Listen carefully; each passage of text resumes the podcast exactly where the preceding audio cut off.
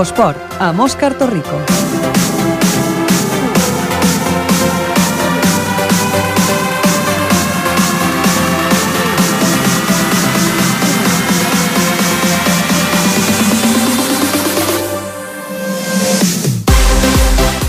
Molt bona tarda, benvinguts a l'Infoesport, el programa de l'actualitat esportiva aquí a Ripollet Ràdio. Són les 7 i 8 minuts i comencem un nou programa, un altre dilluns, aquest després d'un cap de setmana una mica típic, perquè la veritat és que hi ha hagut poca, poca actualitat de competició dintre dels diferents esports, doncs realment només s'ha jugat a, a, a handbol, a tenis taula i també a bàsquet. Repassarem una mica tot això i parlarem doncs, d'altres doncs, coses també interessants. També tenim alguna cosa d'atletisme per parlar-vos. Com us vam comentar la setmana passada i us vam prometre, doncs, parlarem amb la Lídia Rodríguez, que va ser campiona de Catalunya en atletisme. Parlarem amb ella en el cross i doncs, també tenim alguna altra, alguna altra sorpresa per vosaltres en el que donarà de sí dels 52 minuts i escaig que dura el programa d'avui. Com, com és habitual, ho fem amb els resultats, però aquesta vegada no, no farem el repàs dels resultats, com només tenim dos tres esports, anirem parlant de, de cada esport amb els, amb els nostres companys i no farem aquest repàs habitual de resultats. Per tant, doncs començarem amb un dels esports, eh, començarem amb, amb el tenis taula. Tenis taula, tenis taula, tenis taula, tenis taula. Tenis...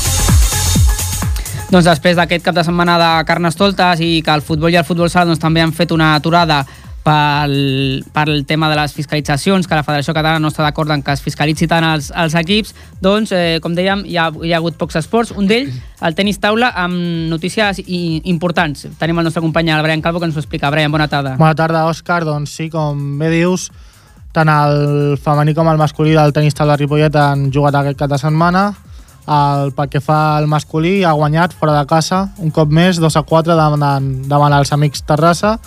L'equip ripolletenc segueix la seva temporada perfecta i suma una nova victòria que el manté com a líder de la classificació. El partit va tenir poca història, sincerament, ja que al principi un parcial de 0-4 va, va decantar ja el triomf pels visitants. Uh mhm. -huh. Pel que fa al femení, L'autoescola Tachepol Ripollet va perdre a casa davant el Setxa Monteporreiro, 1 a 5, en un partit que ja vam parlar en setmanes anteriors amb el president, estava marcat al calendari per les urgències que té l'equip a la classificació. Mm -hmm. Les noies ho van intentar, però ja des de l'inici es va veure que, que les visitants es van imposar i se'n van emportar els punts decisius del, de l'enfrontament.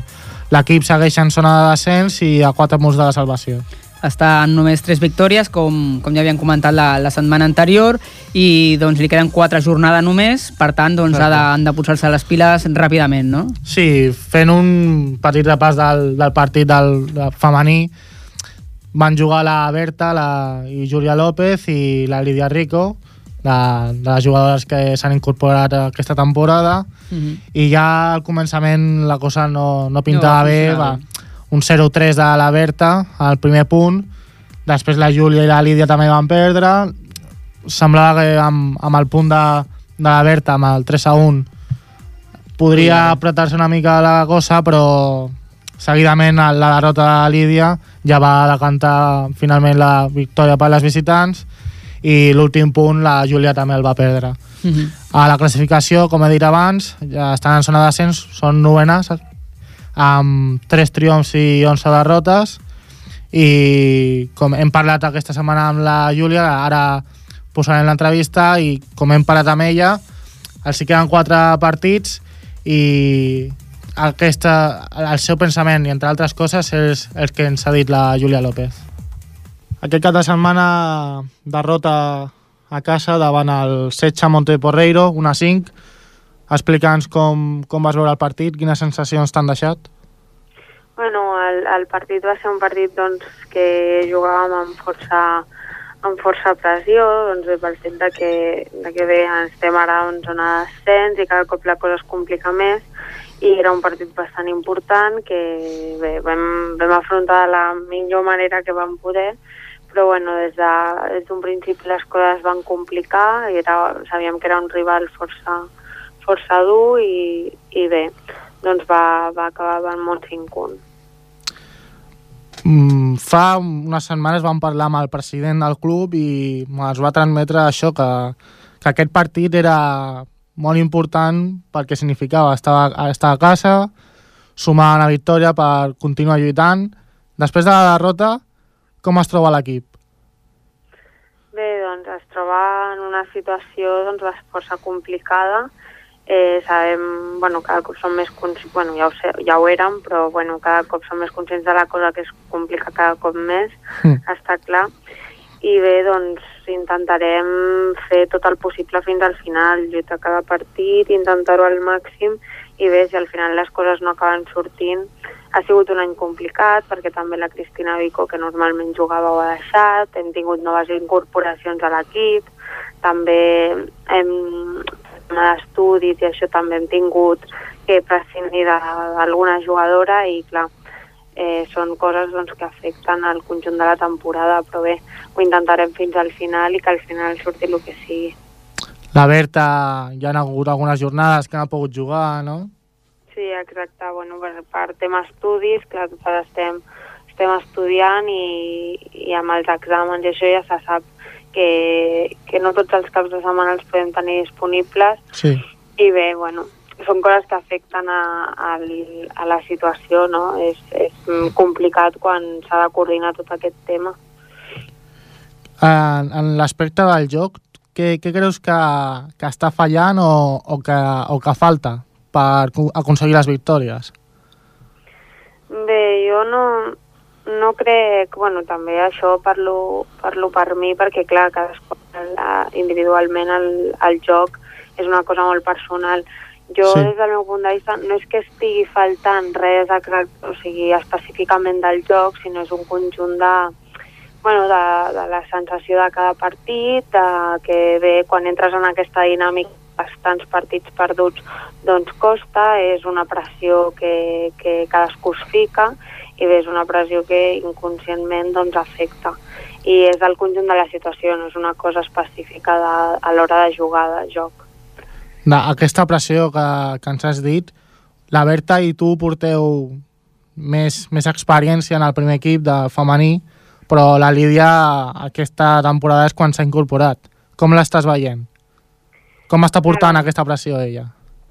Bueno, ella, ella no té aquesta pressió tant com nosaltres, les que hem de portar l'equip més o menys seríem doncs, les que l'Anna, jo i la Berta, que ja tenim una certa experiència en, aquest, en aquesta categoria. I bé, és el que et deia, que la Cristina Vico doncs, ho va deixar, que era la que més experiència tenia de totes, i clar, una baixa així, i també puntuava molt, una baixa així i després incorporacions noves, doncs és normal que el primer any tampoc tampoc pretenem, ja sabem que no guanyarà tots els partits ni molt menys perquè és una categoria que és complicada mm. i que l'experiència fa molt, jugar amb contrincants que ja porten anys i anys jugant en aquesta categoria, doncs és normal doncs, que els que ara comencen doncs, costi. Ens costa fins i tot a nosaltres, que ja en portem uns quants, doncs a ella és normal, no se li pot exigir tampoc més del que fa.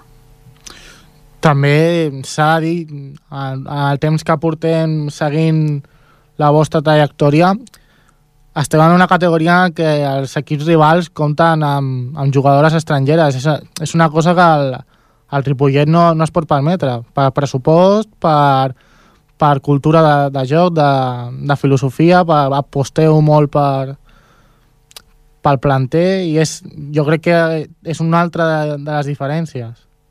Sí, exacte. Quan et trobes amb equips que tenen jugadores fitxades eh, de, de, bueno, de països eh, de, no sé, ara, ara no sé quins exemples posar-te, però hi ha molts que, com has dit, tenen estrangeres i, i clar, això també són molt experimentades, encara que no siguin... Eh, l'experiència fa molt i elles clar. en tenen molta i clar, això, això fa, fa que no que si tenen estrangeres és més difícil guanyar-la i igualment a les altres dues no et deixa marge d'error perquè has de fer tots els punts sobre les dues altres jugadores. Llavors, clar, això fa que, fa que no, no hi hagi molt poc marge d'error. Llavors, clar, amb tan poc marge i amb un equip que es, amb l'equip que som, que diguem que és bastant, bastant jove, nosaltres som en comparació amb els altres, doncs és, és difícil. La diferència de, és, és, és notable. El, el, venen d'altres països amb més experiència, més preparades, i això s'ha de notar sí o sí. Clar, sí, són, eh, són jugadores que estan fitxades directament per guanyar i per mantenir la categoria. Són jugadores que cobren per fer els dos punts per partit i, i quan les fitxen ja saben què és el que faran. Llavors, clar, és el que et deia. Mm, S'han d'assegurar els punts amb les altres quatre i no sempre es pot fer això. Ah, Això també diu el mèrit que té el, el vostre equip. La temporada passada va aconseguir mantenir la categoria i, i molt dignament. Sí, bueno, és... I esperem que aquesta temporada també. Sí, esperem doncs, que al final es capgirin les coses i puguem fer-ho. A veure si, si es dona la situació, que a cop es posa més complicat, però bé, fins al final ho intentarem. Esperem que sí. Ja, ja per acabar, les properes... Bueno, teniu quatre partits per acabar la temporada, dos a casa i dos a fora. Primer, a la propera jornada, el 28, davant el Proyem Gasteiz, després davant el Valladolid, i la darrera jornada a, contra el CAI Santiago, que és l'últim, i l'Escul Zaragoza, que és el primer. El que la pregunta, veient potser l'última jornada gairebé segur que us, us, esta, us estareu jugant la salvació creus que el fet de, de que tant l'un com l'altre estiguin ja sentenciats tant el descens com el liderat us pot beneficiar? No ho sé, perquè bueno, això són coses que fins, fins l'última jornada, és això, que no arribem a, en aquella última jornada no sabrem, perquè els altres equips també poden guanyar, també poden perdre, llavors fins l'últim moment no sabràs com està exactament la situació. Eh, bueno, intentarem afrontar-ho com sempre. I bé, el, el CAI, els dos partits aquells precisament són dos dels que hem guanyat. Hem guanyat Mm. el CAI Santiago i l'Escul Zaragoza també. Va ser el primer partit que vam guanyar. I bé, no sé, clar, també depèn molt de com s'ho prengui l'altre equip. Hi ha les jugadores que vulgui posar, potser si, si ja es juguen a l'ascens posen a jugadores que, o sigui, si ja estan, tenen l'ascens assegurat, Classificades. potser posen a jugadores que normalment no juguen. No sé, això depèn molt de, de l'altre equip també. Nosaltres anirem com, com sempre i a veure si ens pot ajudar el fet de ja haver guanyat un, aquest partit, a veure si a les altres el tipus més complicades la, elles es senten més, més pressionades o alguna i nosaltres podem aprofitar aquest punt fluix. Doncs tant de bo sigui així i en aquestes quatre jornades, Brian, doncs puguem veure eh, diverses victòries, que hem de veure com a mínim tres victòries perquè puguin assolir la, la permanència. I tant, que, que el femení pugui intentar, se- sens dubte, i aconseguir la salvació i el masculí que segueixi amb la trajectòria tan bona que porta. Mm -hmm. eh, seria molt maco que el femení no es continués en la categoria de, de plata estatal, que és una categoria, doncs la segona categoria estatal, per tant és una categoria important. Doncs moltes gràcies, Brian, bona tarda. A tu, Òscar, bona tarda. Vinga, continuem. Amb vol, amb vol, amb vol. I per parlar-ne d'handbol tenim el nostre company, el Marc Mata. Marc, bona tarda. Bona tarda, Òscar. Explica'ns doncs, què va passar amb el Club Handbol Ripollet aquest cap de setmana. Doncs eh, va haver-hi un empat amb vol Ripollet 32 i amb vol esportiu Castelldefels 32. Per primera vegada a la temporada els ripolletens van sumar un empat, un punt amb sabor amarg perquè el rival es trobava a les últimes places de la classificació. La defensa va tornar a ser el punt dèbil de l'handbol Ripollet, que per decena vegada a la, a, la seva, a la temporada va estar per sobre dels 30 punts encaixats. L'empat no entrava als plans de, de l'equip, els rivals tècnicament eren inferiors, però van lluitar tot el partit. Només eh, els, eh, els ripolletens només tenien dos canvis i als dos minuts eh, es van quedar sense porter. L'equip es va deixar influenciar massa per les males decisions de l'àrbitre i aquesta mala gestió de les emocions de jugadors i entrenadors va portar al resultat final. La primera part, el Ripollet sempre per davant amb un màxim de dos gols, però al final la primera part, una exclusió i un penal en contra van deixar el marcador amb, per, amb 17-18. La segona part, el marcador sempre va variar fins als moments finals que va, que va ser una bogeria. El Ripollet li va donar la, la volta al marcador, uns minuts després el, els visitants van marcar gol, provocant un nou empat, però els ripolletens no es van quedar amb els braços creuats i van tornar a marcar gol. I en menys de 9 segons els visitants van tornar a marcar gol, provocant el definitiu empat 32 a 32. Per parlar d'aquest partit, comptem a, a l'altre al- a- per telèfon el, San- amb el Santi Llop. Bona tarda, Santi. Sí, hola, bona tarda. Bona tarda, Santi, entrenador del Club Handbol Ripollet. Per començar, eh, l'equip es deixa empatar massa per la crítica i les decisions arbitrals? Bueno, a ver, yo no, no lo veo así. A ver, el partido yo creo en todo momento lo llevamos controlado, excepto faltando 10 minutos para el descanso, que fue yo creo más eh, decisión del árbitro. El, a ver, y no quiero cargar con mis declaraciones contra el árbitro, pero sí que vi un arbitraje muy imparcial. Eh, en ningún momento dejó que nos fuéramos.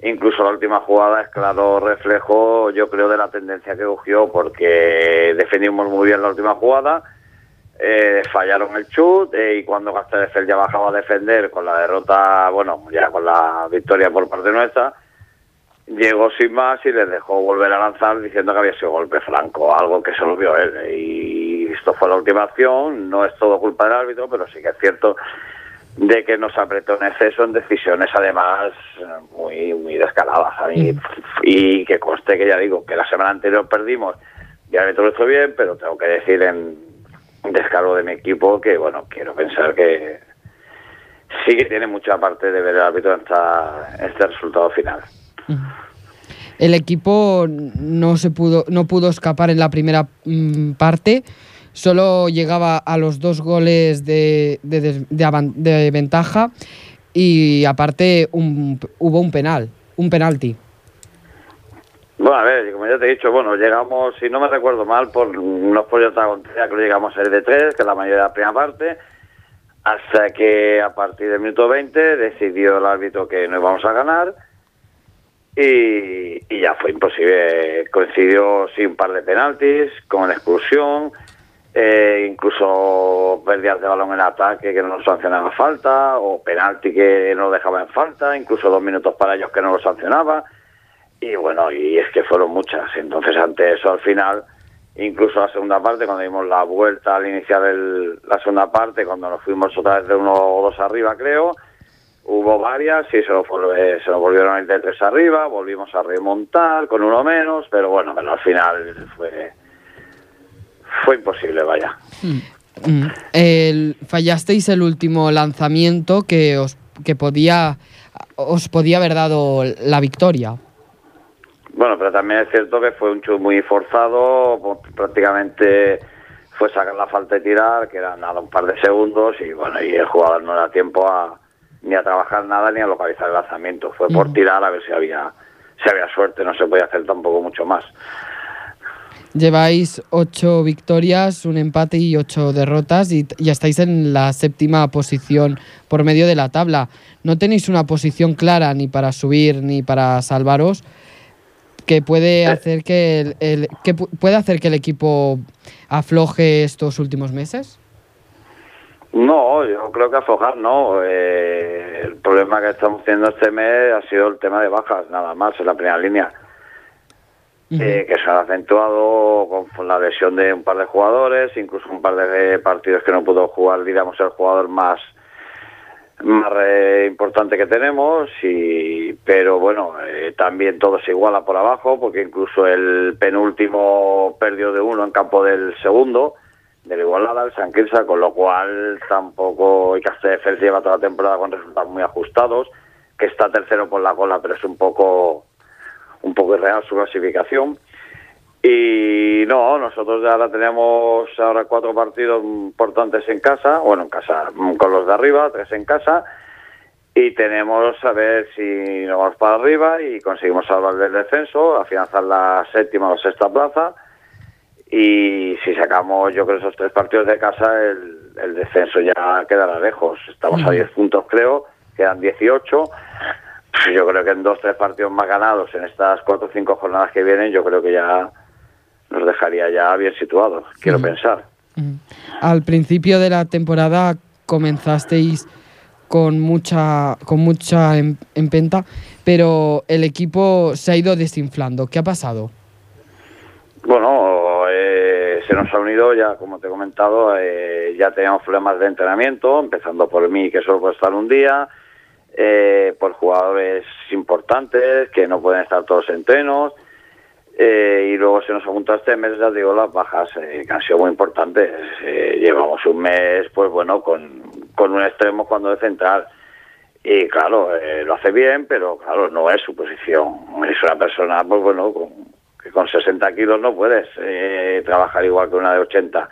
Entonces, bueno, eso lo notamos y eso es principalmente a la que podamos volver a estar todos el equipo, sobre todo la primera línea, yo creo que, que deberíamos volver a sacar los partidos adelante, por lo menos en casa, sin problemas, incluso con los de arriba, como ya sacamos en su día con el Igualada, que siendo segundo aquí se le pudo ganar, con lo cual el equipo está capacitado para estar más arriba, pero bueno, con diferentes circunstancias, como han sido lesiones y problemas de entrenamiento, pues bueno, nos deja de momento estar más arriba. Y la defensa, ¿no? También un poco, lo comentaba Marca al principio, en 10 partidos esta temporada habéis recibido 30 o más goles. Mm, La defensa Sí, no, no- no habéis encontrado la forma de, de reajustarlo, ¿no? Con todas las incorporaciones que ha habido y, y- y, bueno, esta nueva categoría también más alta que habéis empezado esta temporada.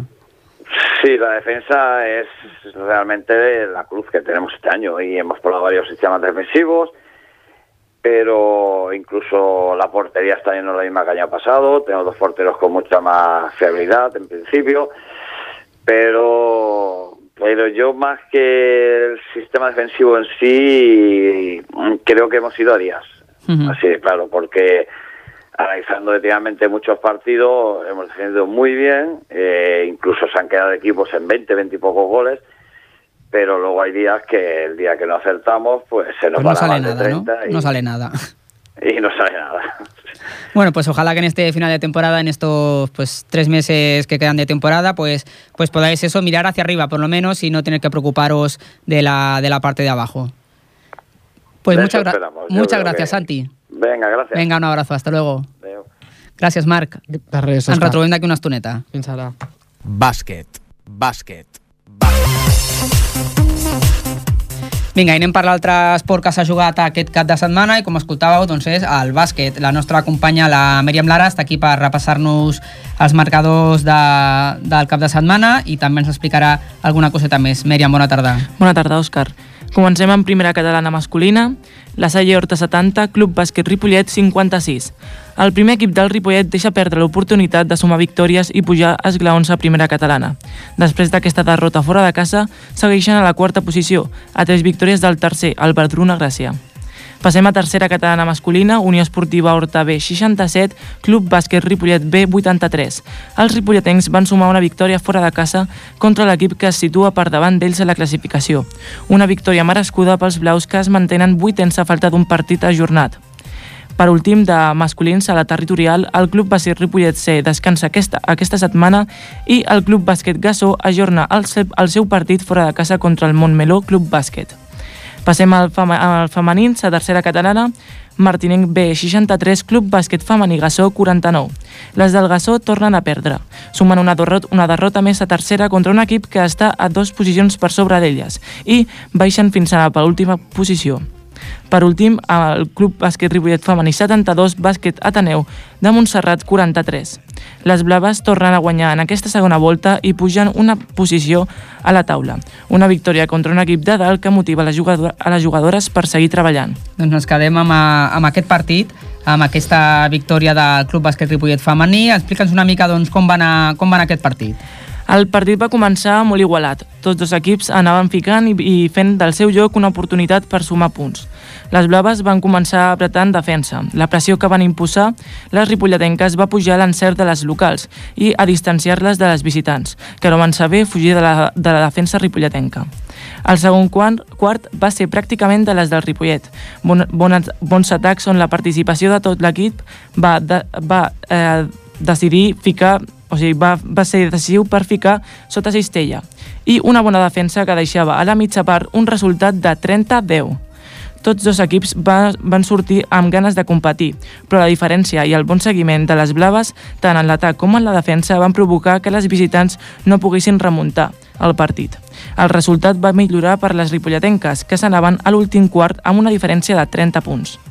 Les del BAM van créixer en l'atac i van baixar amb 30, a, dels 30 punts que les diferenciaven de les locals. Uns últims minuts de partit on tots dos, tots dos equips van intentar fer contraatacs i sumar ràpidament punts. El partit va finalitzar amb una diferència de 29 punts exactes. Un partit de les blaves contra les quartes de la taula que acaba amb una victòria més per les ripolletenques, que ha començat la segona volta amb, molta, amb moltes oportunitats de pujar més, més posicions a tercera catalana. Hem pogut parlar eh, del partit i de l'equip en general amb una de les jugadores del Ripollet, Neus Parralejo.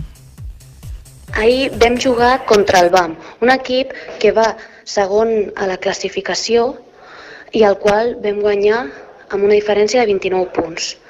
Vam començar molt concentrades, cosa que en alguns partits anteriors no havíem fet, i això va provocar que al primer quart agaféssim un avantatge gairebé de 10 punts i a la mitja part de, 10, de 20 punts. L'encert en l'atac i una defensa molt intensa va ser la clau d'aquest partit que gairebé va estar perfecta. Això ha tingut una repercussió molt bona en l'equip, ja que era un equip que estava molt a dalt i, el, i a les quals les hem guanyat amb una contundència força elevada. Hem assolit una bona línia de joc, ja que de la segona volta dels quatre partits jugats n'hem guanyat tres. Ara eh, ens ve una, uns partits difícils, ja que la setmana que ve juguem contra l'Horta, que va segon a la classificació. Ara, abans anava primer, però acaba de perdre, ve de perdre un partit i bueno, això pot ser beneficiós o també ens pot perjudicar, ja que poden venir més motivades. I després eh, ve un partit una mica més fàcil, però el següent també és un partit complicat, per tant, aquesta bona línia que portem ens pot donar un bons, bons resultats i esperem que l'equip segueixi treballant com aquestes últimes setmanes i així assolir uns bons resultats i acabar aquesta lliga d'una manera millor de la que la vam començar que de la manera que pinta és ascendent i esperem que acabi, acabem mitja taula cap a dalt com a mínim. Doncs aquestes eren les impressions de la Neus Parralejo, jugadora del Club Bàsquet Ripollet femení. Moltes gràcies, Mèriam. De res. Doncs continuem ara amb l'atletisme. Atletisme, atletisme, atletisme. I ho fem doncs, eh, recuperant una de les informacions de la setmana passada. Us explicàvem el dilluns passat que la Lídia Rodríguez es proclamava campiona de Catalunya de cross en categoria absoluta i el nostre company Marc Mata doncs, eh, parla amb la Lídia Rodríguez i ens explica doncs, eh, com va anar aquest campionat i quines són les expectatives de la corredora ripolletenca. Bona tarda, Marc. Bona tarda, Òscar. L'atleta ripolletenca Lídia Rodríguez es va proclamar diumenge 8 de febrer campiona de Catalunya de cross. Al campionat disputat a Mataró, la Lídia va revalidar el títol autonòmic de cross que ja havia aconseguit l'any passat per primera vegada en categoria absoluta. Va completar el recorregut en 22 minuts i 56 segons, 21 menys que la seva companya d'equip Gemma Barratxina, campiona l'any 2012. Avui tenim amb nosaltres a Ripollet Ràdio a la Lídia Rodríguez. Hola Lídia, bona tarda. Hola, bona tarda. Quan, quan creues la meta la primera en aquest campionat de Catalunya de cross, les sensacions són les mateixes que quan l'any passat vas guanyar la primera vegada o es veu el triomf de forma diferent? Doncs pràcticament igual, perquè és una altra vegada quedar primera, no? Arribar a primera meta amb il·lusió de, de, de tornar a guanyar. Uh -huh. Cre crec que portaves un refredat a sobre. Pensaves just abans de la cursa que podries guanyar? No, la veritat és que no, perquè estava escalfant, normalment faig un escalfament de 25 minuts, vaig, a, vaig estar entre 15 i 20 perquè em feia molt mal al cos, no podia respirar bé, i dic, vaig a sortir i veurem a veure si, si arribo a meta. En realitat em trobava molt malament. Després, una vegada en cursa, veia que anava millorant i que les meves rivals no em podien seguir. I llavors dic, fantàstic. Se sent pressió afegida quan un arriba al circuit havent de defensar el seu títol de campió? Jo sempre porto la pressió perquè m'agra- m'agrada guanyar. I sí que és cert que sempre vull repetir al primer lloc.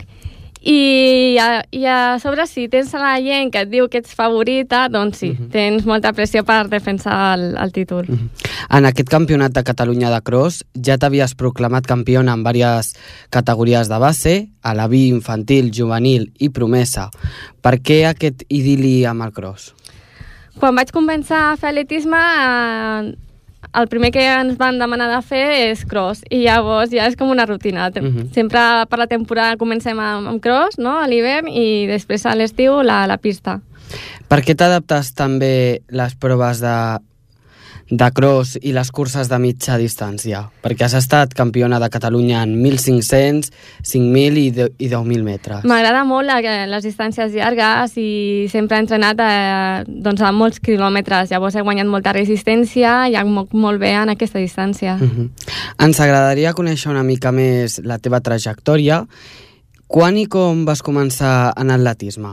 Doncs vaig començar en principi com un joc, eh, la meva cosina que feia atletisme també, estava en el RUA i a l'agost estava la cursa popular de, de Ripollet, que em sembla Mhm. que encara es fa.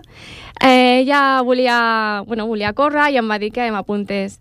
Llavors me'n vaig apuntar, vaig guanyar i a partir d'ahí, doncs llavors, córrer, córrer, córrer. És a dir, va ser a Ripollet. Sí, exacte, em vaig apuntar al RUA i doncs allà fins, a molts, fins als 18 anys em sembla que vaig estar. Què et va enganxar de l'atletisme? Doncs la veritat que, no sé, no sé, és un esport en què em sento lliure, m'ho passo bé corrent, em distrec, no sé, no te sabria dir. I ara mateix també és... Un... Al principi era com una rutina, perquè hi havia dies que no volia córrer, perquè estava cansada, però dic, no, no, és que he de córrer, tinc que córrer, és, és això, com una rutina, i Mhm. ja, doncs ara com és un treball, doncs Quan te n'adones que pots fer el salt al professionalisme? Bueno, de, començo a guanyar ja campionats i arribo a una edat, als 20 anys, en el que encara estic endavant, eh, estic de les primeres a nivell nacional, i llavors eh, el meu entrenador eh, contacta amb un representant eh, i ell aconsegueix doncs, eh, que guanyi diners amb les curses i en el club. Una dada curiosa és que competeixes per un club de Bilbao, el Santutxú. Com és que arribes a aquest club? a través del mànager, no? És això el que et deia, quan el mànager veu que, que pot treure diners, doncs busca el club que millor vagi bé econòmicament, i el Santutxu va ser un d'ells. Quantes hores entrenes a la setmana? Doncs entre 15 i 20 hores. També depèn del dia. Hi ha tres dies a la setmana que faig dues sessions i llavors són dues hores a la de la matí i unes dues hores i mitja, tres la de la tarda. La resta de dies són dues hores. I com són aquests entrenaments? Doncs, a veure, eh, hi han de fluixos, no? com poden ser dilluns, dimecres i divendres, que són doncs, 12 quilòmetres corrent, i, una, i fer gimnàs. Després, a dimarts i dijous, eh, la primera sessió és només de 8 quilòmetres, i a la tarda faig les sèries, que sèries són, és, el, és la sessió més forta, és on el que t'ajuda a, a millorar eh, les marques. I després tinc els dissabtes, que és també una sessió forta de sèries, i, i a diumenge és la sessió de molta resistència, uns 20 quilòmetres corrent. Un atleta que està a la porta de l'elit, com tu, es pot dedicar només a l'atletisme o, o ho ha de compaginar amb una altra feina? Hi ha companyes meves que només es dediquen a fer atletisme. Per la meva part, eh, ho podria fer, però vaig acabar la carrera d'òptica i optometria, llavors eh, m'hagués agradat dedicar-me únicament a córrer, però és clar, eh, jo no sé quan acabarà això de córrer, el, el mateix demà o el mateix d'aquí a 8 anys. I si és d'aquí a 8 anys, clar, la carrera la vaig acabar fa molt de temps, no sé si podria exercir de, del que he estudiat. Clar. Llavors, eh, doncs, treballo dilluns i dimecres, molt poc, sí que és cert, però bueno, vaig agafant experiència en una clínica. Mhm. Tornem a l'atletisme. Després de tot el que ens has explicat, és un esport més dur en l'apartat físic o en el psicològic? En el meu cas, psicològic. eh, em poso molt tensa, molt nerviosa i moltes vegades aquests nervis m'han atraït a, a l'hora de competir i han fet que rendeixi molt menys del, que puc, eh, de, del resultat que, que puc Mhm. anar a fer. Aquest nou triomf al Campionat de Catalunya t'ha permès treure't l'espineta de 29è lloc al Campionat d'Europa al desembre? La veritat és que no, perquè són campionats eh, molt diferents, no és el mateix Catalunya que Europa. O sigui, Mhm. el campionat d'Europa m'ho trauré si em classifico al desembre d'aquest any. A veure si, si puc millorar el resultat. Sí que és cert que aquest, aquesta posició no era real, perquè les condicions eren, eren diferents a, a les normals. Eh, estàvem a 1.300 metres d'altura, jo no havia fet cap concentració en altura i tampoc vaig preparar el, el campionat, però bueno, sí que em vaig classificar, així em, vaig, em van seleccionar per córrer aquest campionat i jo penso que si llega a estar, arriba a estar, un, no sé, 300, 700 metres a nivell del mar, el resultat hagués sigut millor. El que passa que em van sentar molt malament l'altura, vaig notar molt la falta d'oxigen. Uh -huh. Imagino que havies esperat començar la temporada millor, no? Sí, bueno, estaven anant bé, eh, com sempre, o sigui, sempre estan entre les 5-6 primeres espanyoles i en el campionat d'Europa, i, i el que et deia, no, no m'esperava classificar-me al campionat d'Europa perquè no, no estava entrenant. O sigui que pràcticament estava sent molt semblant, la veritat. Quines expectatives tens per al Campionat d'Espanya de cross que es disputarà d'aquí un mes? Jo espero estar de les sis primeres. Lo ideal seria guanyar o, o quedar en el pòdium. Sí que serà difícil perquè tenim a Trijas Gebre, que és una etíop, que l'han nacionalitzat, llavors ella té un, un plus més que nosaltres, o sigui, les restes estem més, menys igualades i és qüestió de tindre el bon dia. Amb Trijas Gebre ella és tan superior que que tingui un mal dia és difícil de guanyar-la. Sí que és, a veure, l'altre dia vaig competir amb ella i la vaig poder guanyar, no es trobava Mhm. bé i, i vaig quedar per davant d'ella. A veure si tinc sort i passa el mateix en el Campionat d'Espanya i potser la primera, i si no, doncs això, quedar de les sis primeres que em permeteixi de cara a l'any que ve doncs poder tindre una bona paga a les curses.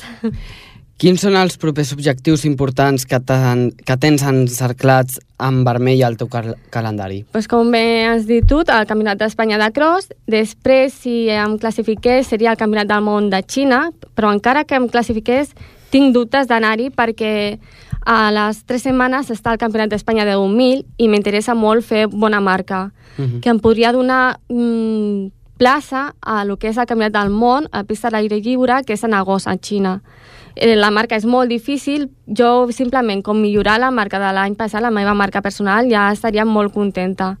Mhm. Sí, l'objectiu és això, més que res el Campionat d'Espanya de Cross i el 10.000. I després ja al maig, juny, tindria per fer marca el 5.000. Tot i que el cross no és una disciplina olímpica, tens pensa pensament de poder intentar classificar-te en una altra especialitat per als Jocs de Rio de Janeiro l'any vinent? Sí, la meva idea, a veure, fa dos, bueno, en el 2012 em vaig quedar a 5 segons del 5.000 per poder anar als Jocs Olímpics de Londres. Llavors, a Rio m'agradaria anar en el 5.000. Doncs eh, t'agraïm, Lídia, que hagis pogut eh, vindre al programa Infosport a Ripollet Ràdio, que és casa teva i de tots els ripolletens, i esperem seguir informant de molts èxits del teu proper, de, dels teus properament. Moltes gràcies. Moltes gràcies a vosaltres, un plaer.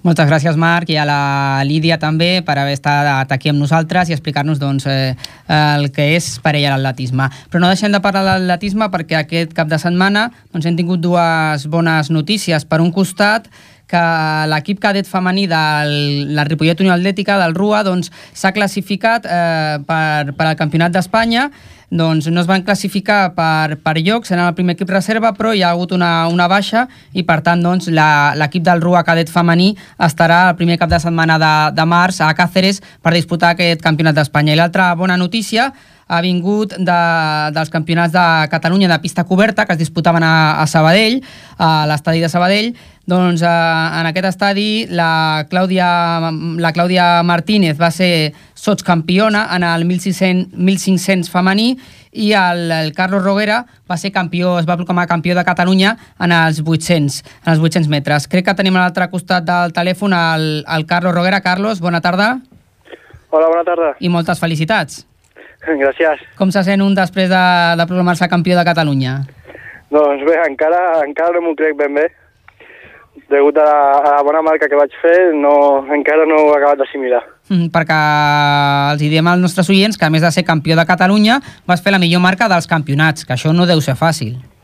No, això és que és una cosa que est- estaven entrenant fort, el meu entrenador ho sabia, però no pensaven que podíem ser capaços de fer aquesta marca i menys els rècords dels campionats. Mhm. eh, però dius que, que portava un ritme important no? pa, de cara a arribar a aquest campionat. Sí, havíem deixat ja de, de preparar el cross per centrar-nos més sobretot a la prova dels 800 metres. Estàvem fent molts entrenaments ràpids, de qualitat, i sabien que arribaven en un bon moment de forma. Mhm. Tu per això ja havies guanyat algun campionat de Catalunya en, en, abans, no? Algun altre any? Sí, l'any passat vaig ser campió de Catalunya de 1.500 i de 3.000 metres. Mhm. Déu-n'hi-do, és a dir, que ja portes una... Ja vas acumulant trajectòria, eh, Palmares? Ja el tens allà, vas acumulant copes, no? Sí, mica en mica. I com es porta aquesta pressió de ser campió i l'any vinent doncs, ser el que tothom mira perquè, perquè bueno, és el referent o haver d'anar doncs, amb una miqueta més de pressió a competir a les competicions? Bé, a, la pressió és, també és difícil de suportar, però com competeixo amb gent que conec, companys de tota la vida, Uh -huh. llavors eh, es porta millor.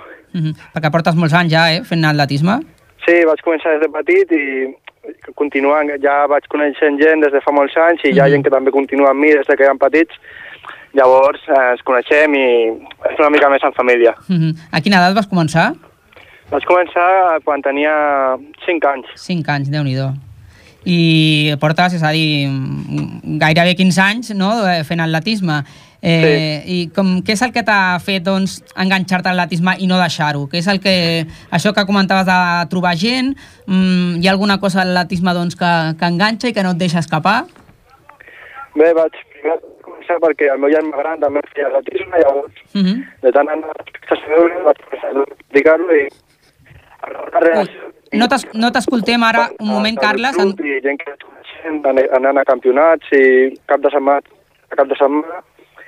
Llavors estava en gas, també el fet de superant i veient que entrenant bé, surten de les meves marques, em fa que vol, em fa voler continuar entrenant i, i competint. Mm -hmm. Doncs moltes felicitats i que segueixin els èxits ja dintre de poc en categoria absoluta, no? Perquè ja sí. ha estat en categoria júnior aquest campionat de Catalunya, no?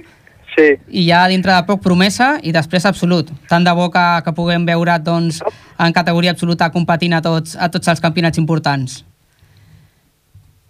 Carlos, ara l'hem perdut. Bueno, doncs eh, l'agraïm al Carlos L'agraïm al Carlos, que ha perdut la cobertura aquí. En l'últim moment ens han respectat les tecnologies, sobretot perquè l'hem tret de l'entrenament. El Tasio Heleno, el seu entrenador, doncs l'ha tret un moment per nosaltres i estem doncs, molt agraïts al Ripollet Unió Atlètica i al Tasio per haver fer-nos aquest eh, foradet perquè poguéssim escoltar el, el Carlos Roguera i el poguéssim felicitar per aquest campionat de Catalunya de 800 metres en categoria júnior. Deixem ja l'atletisme i ara anem cap als escacs. Esteu escoltant Infosport.